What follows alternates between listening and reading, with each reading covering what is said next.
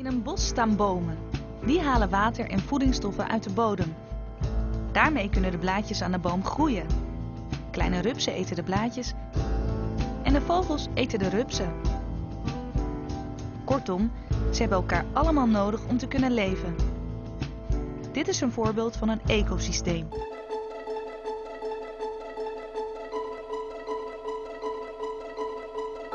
Een ecosysteem dus. In het laatste deel van de vorige aflevering ging het er al even over. ChatGPT zegt er het volgende over. In zo'n ecosysteem interageren planten, dieren, micro-organismen en hun omgeving op een manier die de stroom van energie en materie door het systeem regelt.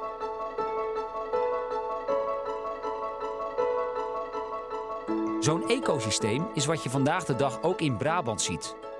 Met een heel web aan start-ups en scale-ups die samenwerken met het onderwijs en hulp krijgen van diverse instanties. En ook de overheid doet een duit in het zakje. Samen vormen zij het ecosysteem. Dat geldt als de aanjager van innovatie.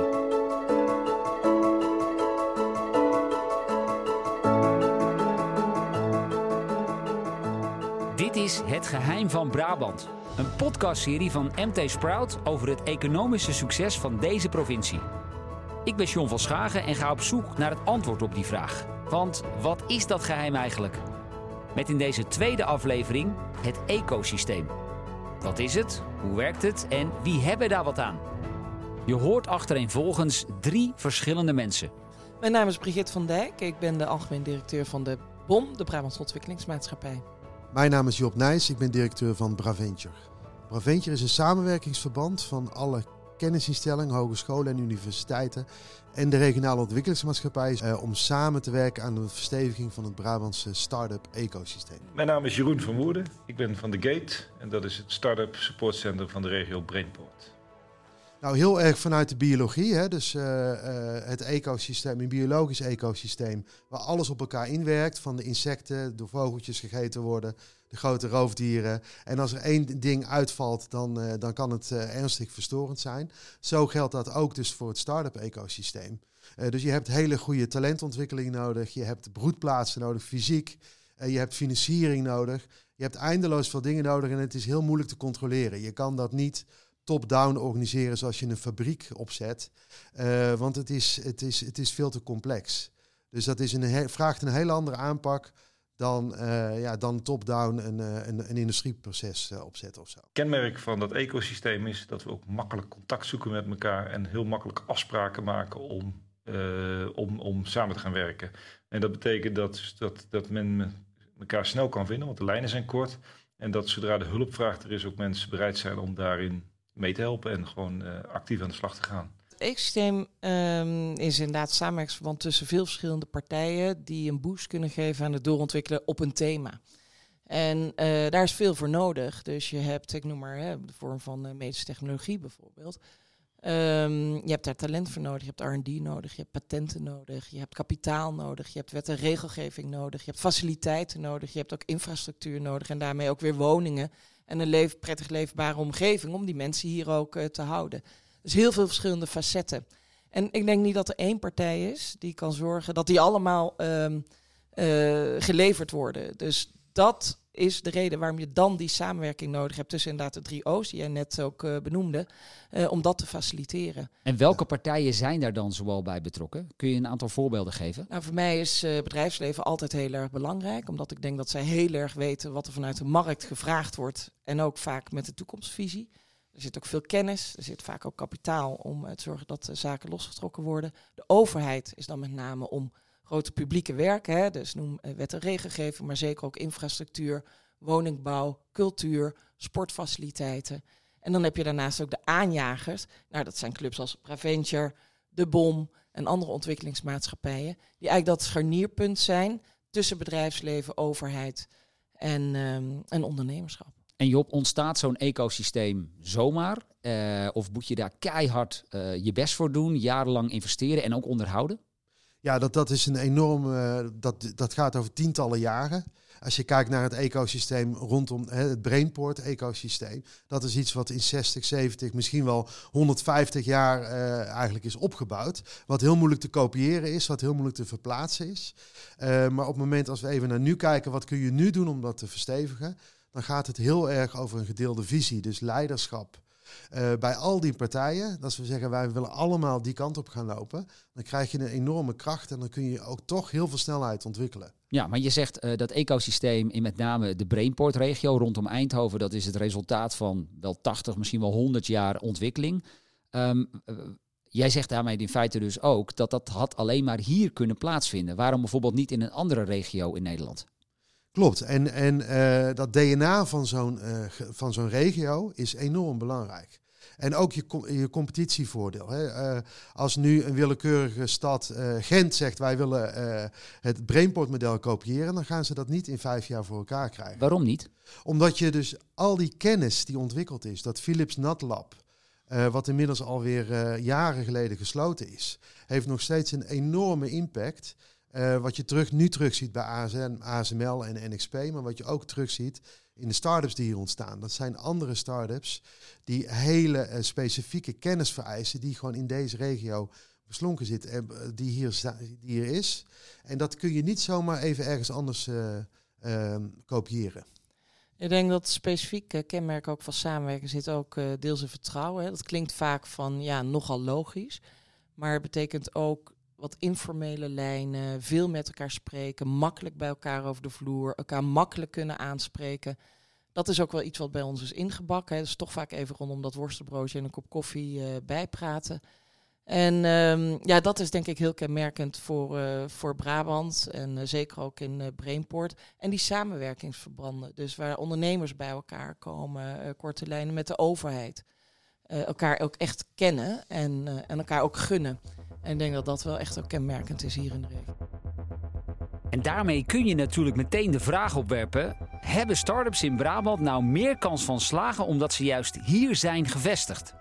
Eh, ja, eh, dat heeft ermee te maken dat wij een aantal voorzieningen hebben. En dat is uniek voor de regio Eindhoven. Dat we een universiteit hebben, dat we eh, de, de voorzieningen hebben op het gebied van eh, medische technologie. Bovendien een Philips een basis hier. Dus we hebben al een natuurlijke habitat. En dat maakt dat wij inderdaad de plek willen zijn waar je het beste kan slagen. Omdat je heel snel toegang krijgt tot verschillende, faciliteiten. En daarmee dus zowel je value propositie kunt bouwen, je financieringsketen op kunt zetten en je team kunt bouwen. Al dus Jeroen van Woerden van The Gate.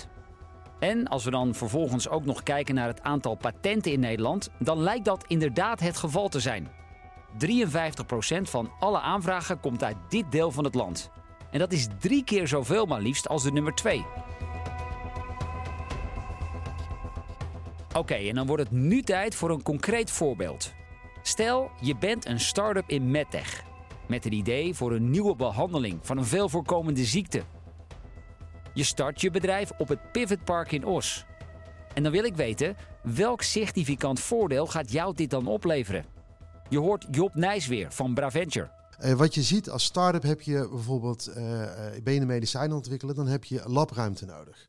Eh, soms is dat, eh, zijn dat hele geavanceerde labs. Als jij als beginnende start-up, je hebt nog geen omzet, je bent met drie man en je begint en je hebt zo'n lab nodig, dan ben je, ben je zo een miljoen, anderhalf eh, verder.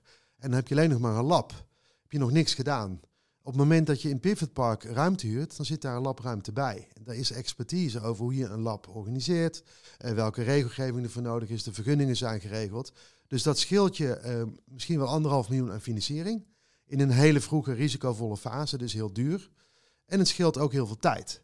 Dus het is, eh, eh, er is een enorme vraag naar dat soort ruimtes. En Pivot Park is een van de plekken in Nederland waar je die ruimte ook hebt. Dus het is eh, de, de faciliteiten, het is ook de kennis, het netwerk wat er omheen zit. Wat daarmee eigenlijk de drempel verlagend werkt voor die start-up. We hebben sowieso in Brabant bijna meer dan 1400 start-ups. Eh, die ook goed zijn voor een, eh, ja, veel werkgelegenheid. hè. Bijna 15.000 banen zijn er mee gemoeid. Toeleveranciers van de grote bedrijven, ook hier in de regio. En vrijwel allemaal dragen ze bij aan die maatschappelijke opgave. Als je het hebt over een aantal voorbeelden, nou dan om een aantal te noemen. Eén is bijvoorbeeld Smart eh, Photonics, een bedrijf wat helemaal ehm, gericht is op Integrated Photonica, wat echt ook een systeembedrijf is hier in de regio.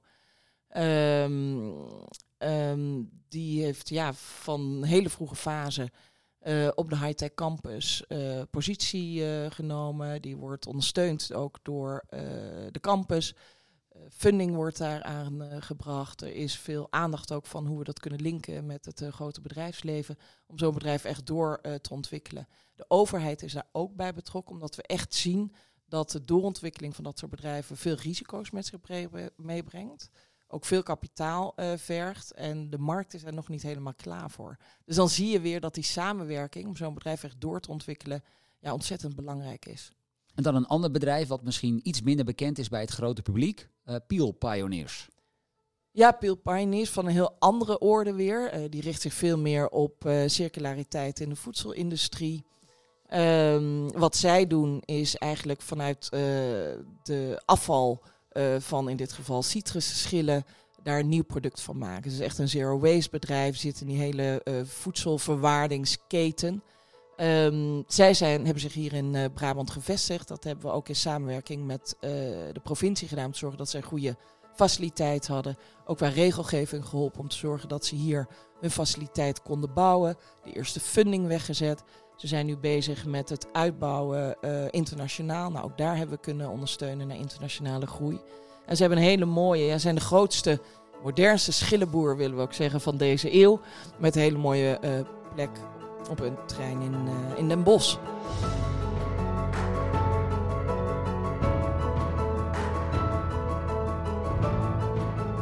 Van pilpioniers tot smart photonics.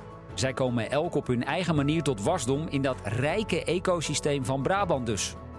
En om nou nog concreter te worden hoe dat in de praktijk precies werkt, spreek ik in de volgende aflevering met Hubert Martens van Salvia Bioelectronics. Een neuromodulatieapparaatje wat we onder de huid plaatsen. En wat dat apparaatje doet, is dat uh, dat kalmeert de zenuwen die betrokken zijn bij, uh, bij migraineaanvallen. Dit was aflevering 2 van Het Geheim van Brabant. Graag wijs ik je nog even op de Brabant 40. Een lijst met de 40 meest veelbelovende start-ups uit de provincie. Ga naar mtsprout.nl slash Brabant40. Tot de volgende podcast.